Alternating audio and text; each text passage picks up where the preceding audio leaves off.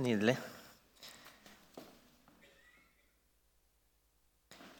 God søndag, alle sammen. Kjekt å se dere. I dag er det tredje søndag i treenighetstida. Teksten i dag er Lukas 14, 15-24, som er om det store gjestebudet. Den teksten skal vi lese sammen, men først så samler vi oss litt i bønn. Gode far, takk for at vi får lov til å samles til gudstjeneste. Jeg ber Jesus om at du gjør det stille i våre hjerter nå, slik at du kan få tale ditt ord til oss. Gjøre oss lydhør. Sett oss slik at vi ser det, Jesus. Sett oss slik at vi ser enda mer av det. Vis oss hvem du er, Jesus. Vi ber Det Hellige Ånd, åpne opp våre hjerter. Vis oss sannheten. I ditt navn. Amen. Yes, da leser vi teksten, og dere kan reise dere.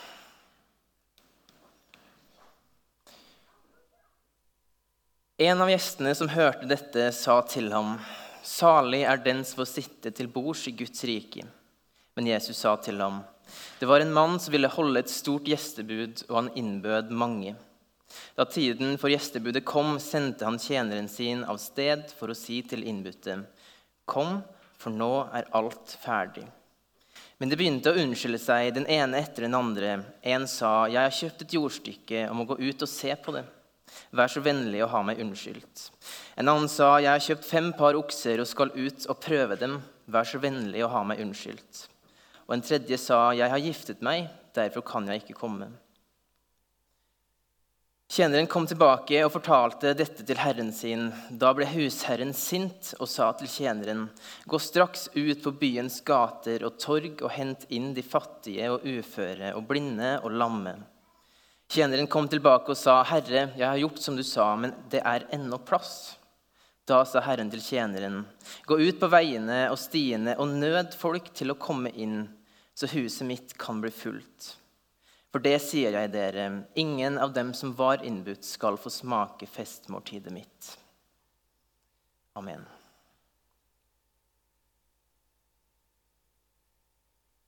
Det er mange sider ved denne teksten. her. Eh, det er mange ting man kunne ha trukket fram. Eh, og det kunne kanskje blitt litt rotete òg. Så jeg har tenkt i dag at vi skal prøve å følge tre spor i talen. Det første sporet vi skal følge, det er invitasjonen som ligger i denne teksten. her. Og så skal vi se på,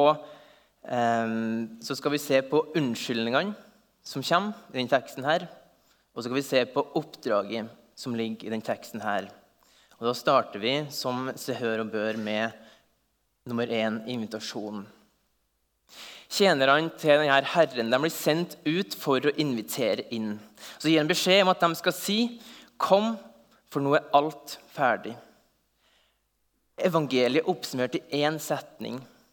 'Kom, for nå er alt ferdig'. Enklere kan det kanskje ikke sies. En invitasjon til å komme fordi noen annen har gjort alt ferdig for det. Kom, for nå er alt ferdig. Mange av oss har en del troshelter som har gått foran.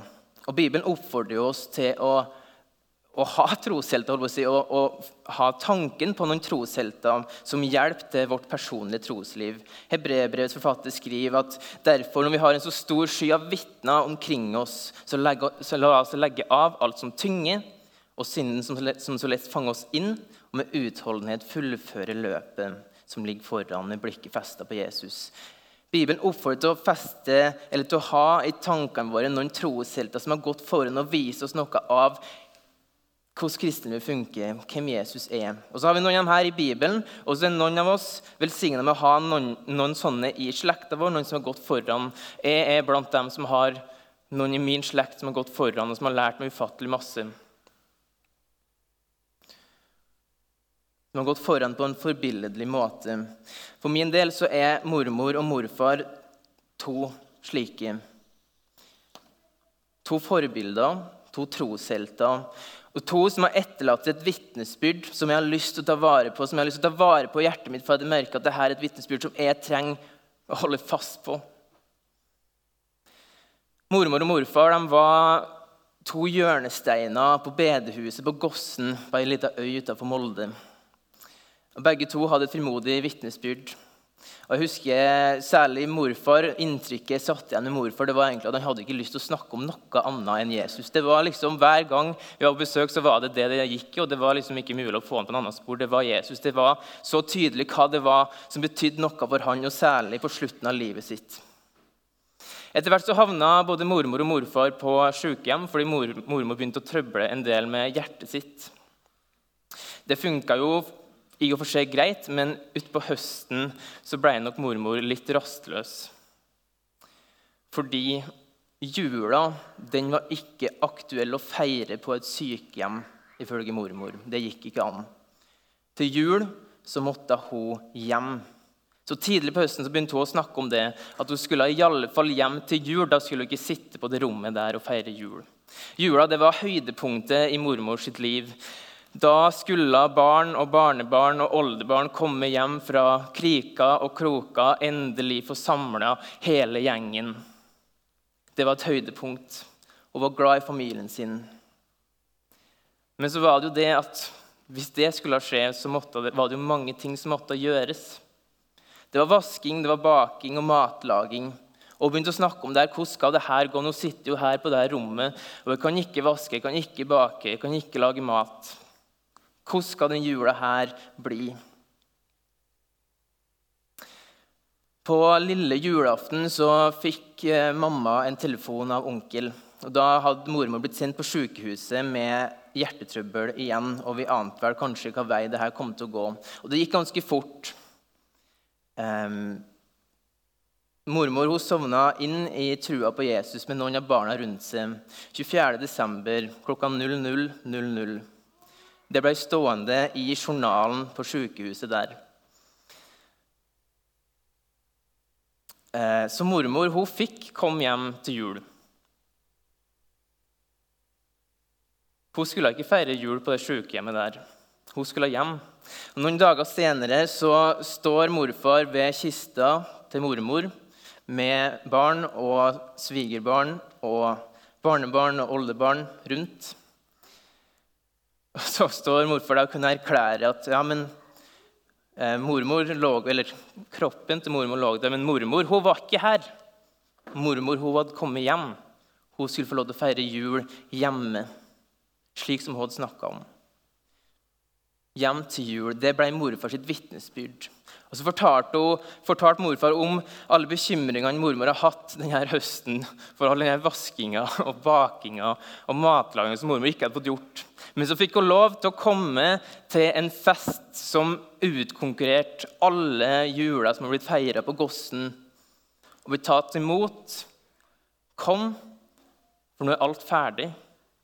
Hun trengte ikke å fikse det sjøl. En har fiksa det for henne. Hun kunne få lov til å komme og ta imot uten å løfte en finger. Når jeg hadde fiksa det for henne. Det vitnesbyrdet der, den historien der, det evangeliet for meg, det viser meg Den historien som jeg vet om som aller tydeligst viser meg evangeliet. Kom, for alt er ferdig.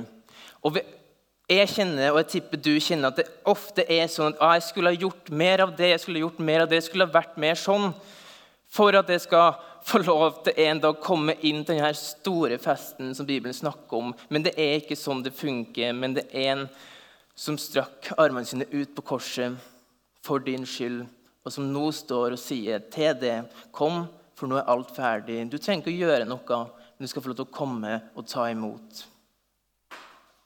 Dette er den invitasjonen som ligger i den teksten her. Nummer to unnskyldninger.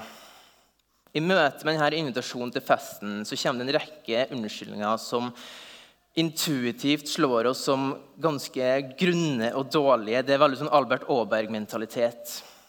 En har kjøpt et jordstykke som han må sjekke, en annen har kjøpt noen okser han må få testa, og en tredje har gifta seg. Og så er det jo nettopp det. Det er dårlige unnskyldninger. I starten av Lukas 14, altså da, før vår tekst i dag, så ser vi det at den lignelsen her den blir fortalt av Jesus til fariseere og skriftlærde. Og Trolig så er det særlig dem Jesus har i tankene når, her, eh, når han forteller om de her som kommer med unnskyldningene. og som da videre får høre det her domsordet Ingen av dem som var innbudt, skal få smake festmåltidet mitt. Men sjøl om det da kanskje er adressert til fariseere og skriftlærde, så ligger det jo et vanvittig alvor som vi må ta inn over oss når vi har den teksten her i dag. Fordi de her unnskyldningene som ligger i den teksten, her, de viser oss det at hvordan vi forholder oss til materialistiske goder, noe som fort treffer oss velstående nordmenn ganske hardt, og hvordan vi forholder oss i relasjonene vi er gitt, det kan til syvende og sist føre til en avvisning av invitasjonen Jesus kommer med. Hvordan vi forholder oss til materialistiske goder, hvordan vi forholder oss til relasjoner, kan til syvende og sist bli en avvisning av Jesu invitasjon. Det viser jo det som kommer videre etter teksten. I vers 26 sier Jesus om noen kommer til meg og ikke setter her høyere enn far og mor, kone og barn, brødre og søstre, høyere enn sitt eget liv, kan han ikke være min disippel. Og vers 33.: Ingen av dere kan være min disippel uten å gi avkall på alt han eier. Unnskyldningene avslører derfor kanskje en holdning om hva som søkes først hva som kommer først, hva som bygges på. De hadde fått en invitasjon, de hadde i utgangspunktet takka ja til å komme. Men når festen er klar, da takker de nei. Da ditcher de.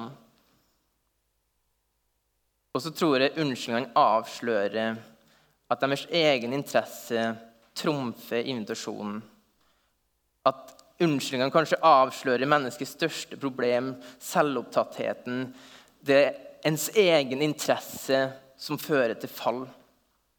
Og jeg tror at Den selvopptattheten ofte kommer til uttrykk i en form for materialisme.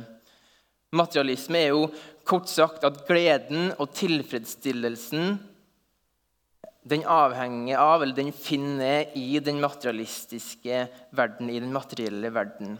For at jeg skal virkelig ha glede, for at jeg virkelig skal bli tilfredsstilt, her i livet så trenger jeg det og det og det i den materielle verden. Det kan være lønn, uansett hvor stor eller liten den er. Status, uansett størrelse. Bil, hytte, båt osv. osv.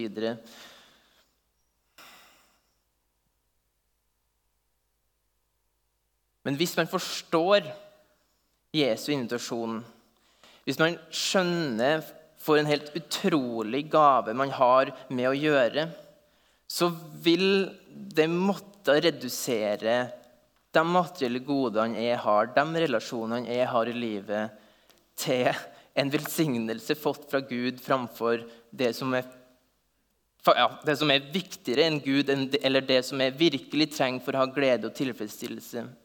Jeg kan finne min glede og tilfredsstillelse, den dypeste, den sanneste, i at Jesus sier til meg 'Kom, for nå er alt ferdig', hvis jeg skjønner hva den invitasjonen betyr.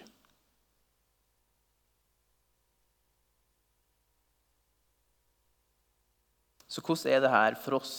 Hvor er jeg? Hvor er du? Hva, er, hva er det som er viktigst? Hvor er det jeg og du finner vår glede, tilfredsstillelse? Paulus tror jeg lærer oss noe i 2. Korinterbrev 6,10. Der skriver han vi har ingenting, men eier alt. Paradoksalt, ja, men sant for den som har tatt imot invitasjonen. Og jeg er overbevist om å leve og tro på det, det er frihet. Det å leve med det mindsettet, det er frihet. Jeg har egentlig ingenting, men jeg eier alt. Litt tidligere i 2. Korinterbrev står det kapittel 4, vers 18. Paulus skriver vi har ikke det synlige for øyet, men det usynlige. For det synlige tar slutt, det usynlige er evig. Det er i det usynlige vi har rikdommen vår enn så lenge. Det skal vi lov til å holde fast på. Det usynlige er evig. Så er det jo en saying, Du kan ikke ta det med deg. Sånn, det du har samla opp her i livet, det kan du ikke ta, ta med deg til himmelen eller til den nye jord. Men jeg tror kanskje jeg vil si det enda litt strengere, og da forhåpentligvis enda litt sannere. Eh, men strengt, altså, Du kan ikke ta det med deg dit, men hvis du holder fast på det her på jorda, så tror du òg kanskje har et problem. For hvis du holder fast på det altså på den måten at hvis jeg mister det, da har jeg ikke mye å glede meg over. Hvis du da mister det, så har du ingenting igjen. Da har du ingenting igjen. Så du kan heller ikke holde fast på det. Du kan ikke holde fast på det synlige, men du skal få lov til å holde fast på det usynlige. Det som varer evig, det som er et evig håp. Kom, for nå er alt ferdig.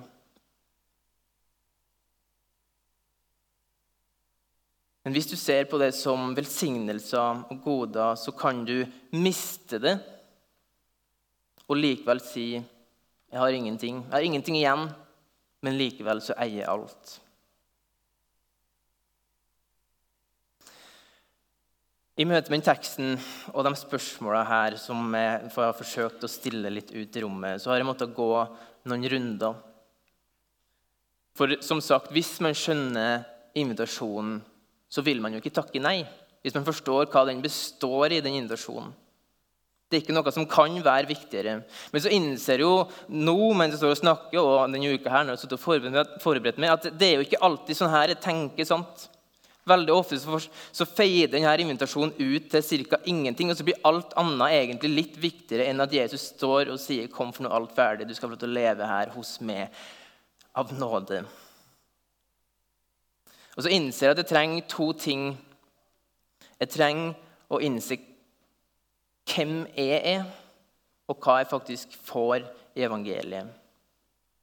I teksten som ber Herren i den andre runden av invitasjoner å invitere inn fattige og uføre og blinde og lamme. I Matteus 5 står det 'Salig er de fattige i ånden'. Så jeg trenger å innse, altså, Greia at jeg, jeg er i den kategorien. Du er i den kategorien. Jeg trenger å innse det. Du trenger å innse det, at du er i den kategorien. Du, du, har ikke fortjent den invitasjonen. Du har ikke gjort noe som, som gjør at du fortjener å komme til den festen. Foran Gud står jeg og du helt tomhendt, helt naken framfor en hellig Gud. Jeg fortjener det ikke. Og jeg trenger å innse det for å skjønne invitasjonen, for å skjønne hva jeg har å gjøre med, for å klare å holde fast på det her usynlige som vi trenger å holde fast på. Og hva får vi egentlig i den induksjonen? Og Der er det igjen denne forskjellen på kunnskapen om det og det å kanskje få erfare eller kjenne at det her er sant, da, og det her er noe jeg får. og ja, få innsikt i at det her gjelder meg òg. Det er en eller annen forskjell der på liksom bare å vite det her med kunnskap og det å få lov til å kjenne det personlig. I Mika 5 så leser vi at Gud sier til folket, til israelsfolket, 'Mitt folk, husk.' Og Så kommer det en lang rekke med hendelser som Gud gjorde for israelsfolket på veien fra Egypt og inn i det lova landet. Så sier Gud, 'Mitt folk, husk det her som jeg har gjort.' Så dere kan skjønne mine frelsesgjerninger. Hva er det Gud sier da? Jo, han sier det at dere som sitter her da i Israel x antall år, 1000 år senere, vet ikke Hadde ikke vært for alt det jeg har gjort for dere opp gjennom historien, så hadde ikke dere vært der dere er i dag. Dere hadde ikke vært der dere er i dag. Så det virker som det er noe aktivt Husk hva jeg har gjort, sier Gud, så du kan skjønne at det angår det, at det var for det, at det her som jeg gjorde der, det er redninga di. Og Hadde det ikke vært for det, så hadde du ikke vært der du er i dag. Noe av det samme finner vi i nattverdsteksten, som vi skal få lov til å feire. Vi skal feire nattverd etterpå. Det, står, det sier Jesus gjør det her til minne om meg. Når du mottar nattverd, skal du få lov til å minne det om at det skjer pga. Jesus, det han har gjort, og at det han har gjort, forandrer alt. Korset som sto på Golgata for 2000 år siden, det, ikke, det er ikke bare en historisk hendelse som, som har skjedd. Men det som skjedde på det korset for 2000 år siden, det skal du få til å minne om at det var for det når du tar imot nattverd. Og det som da har skjedd der for det, det forandrer alt for det her og nå og i evighet. Aktivt huske, slik at du skjønner at det her angår det, og at det her er faktisk det eneste som er min redning. Jeg har ikke noen annen vei å gå enn akkurat her. Fordi det er én som har gjort alt ferdig for det. Han har gjort noe i historien som er din redning i dag. Fordi det som skjedde der, det var for det, og det forandrer alt fra det. Der, for 2000 år siden, ble du satt fra død til liv. Det handler om å huske slik at man forstår. Fordi forstår man, så er ikke nei et alternativ til invasjon. Og da forsvinner alle dumme unnskyldninger. Da forsvinner feil prioriteringer. Den eneste mulige veien blir å søke Gud først. Og materielle goder, relasjoner, det blir en velsignelse framfor det som til syvende og sist gjør at man takker nei til invitasjonen som vi ser i teksten vår.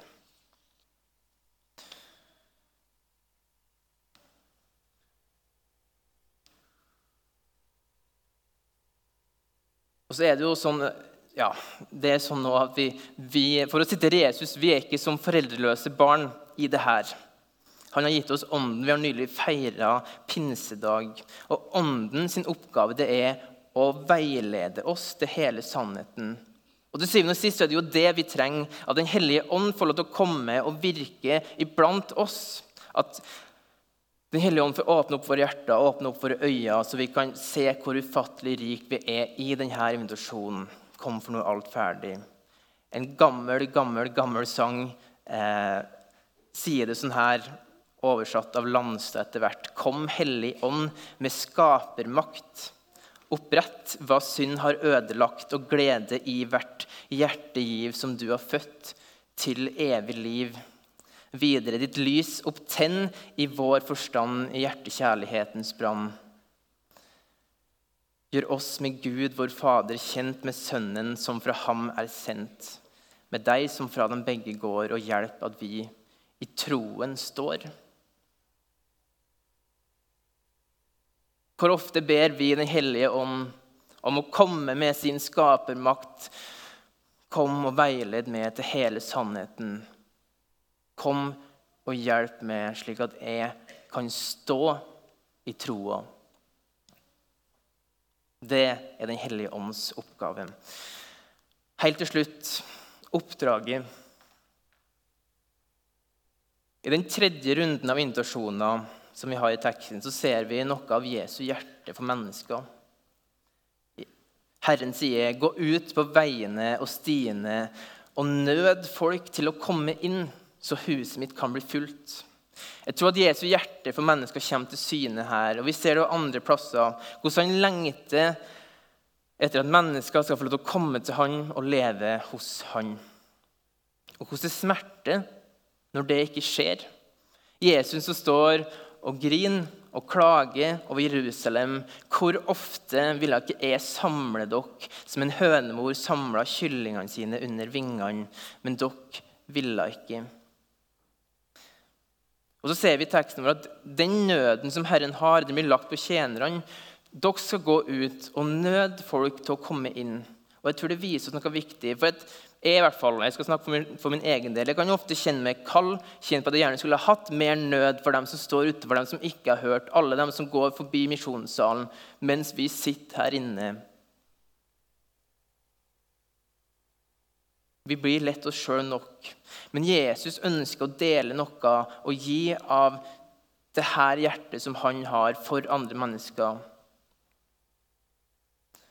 Hans hjerte banker for mennesker som ikke har fått høre, ikke har fått komme, ikke har fått tatt imot. Og Derfor sier han òg til oss nå Gå ut på veiene, gå ut på stiene og nød folk til å komme inn, slik at huset mitt kan bli fullt. Jesus sender oss til verden slik han sjøl ble sendt til verden. Og her ser vi da ett av mange aspekt på det å være sendt, ett av mange aspekt ved sendekultur. Vi er sendt for å invitere inn. Vi er sendt for at huset skal fylles. Vi er sendt for at vi en dag kan få lov til å stå foran lammets trone og lovsynge Han som er verdig, sammen med alle folk og tungemål. Hvis du ser det rundt nå, så ser du en god del ledige stoler. Kanskje kan du se på den stolen som er nærmest det som er ledig. Så kan du få lov til å tenke på hvem er det du på en særlig måte kan invitere inn i misjonssalen. Fordi du er sendt bl.a. for å invitere inn. Hvordan kan det se ut? Hvem er det Gud på en særlig måte har gitt det på, på din vei? Og Jeg tror vi kan være mer frimodige der. Jeg tror vi kan virkelig være mer frimodige der. Fordi finnes det noe finere å invitere inn til?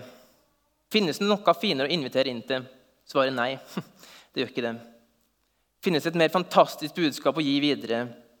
I en verden som går av hengesland, med alle piler pekende inn på hvert enkelt individ, hvert enkelt menneske. Hvert enkelt menneske er med i en eller annen kamp for å vise hvor utrolig flink og god de er, slik at de får invitasjonen til de største og beste festene og være delaktig i de beste sosiale lagene. Det er slik samfunnet funker. Og så sitter vi med et budskap der det kan sies med én setning Kom, for nå er alt ferdig. Finnes det noe mer frigjørende for alle de menneskene som går i Oslos gater, enn akkurat det? Kom, for nå er alt ferdig. Ja, Kanskje syns de det er rart, det er fremmed for dem, men finnes det noe finere å invitere inn til?